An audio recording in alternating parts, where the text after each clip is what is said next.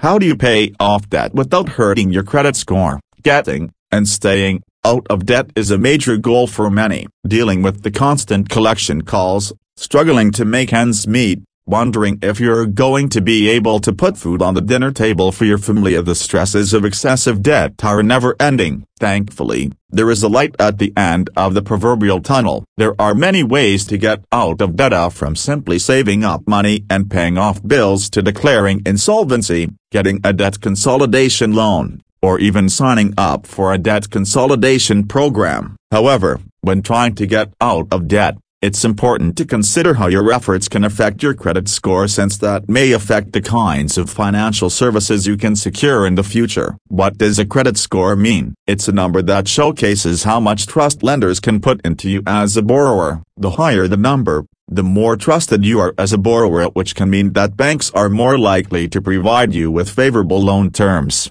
Credit card providers will give you higher limit cards with lower interest rates and other potential benefits when it comes to applying for financial services. Understanding your credit score. How many credit scores do you have? One thing to know about your credit score is that you actually have more than one. There are two major credit bureaus operating in Does credit card debt consolidation hurt your credit? Debt consolidation describes a basket of methods to reduce and eliminate what a consumer owes. These methods won't crush your credit score. Consolidation loans from a bank, credit union, or online debt consolidation lender, balance transfers to a new low or zero-rate credit card, borrowing from a qualified retirement account, such as an IRA or 401k, borrowing against the equity in your home or something else of substantial value, borrowing from a friend or family member. This, plainly, is in almost all circumstances an act of desperation avoided if you possibly can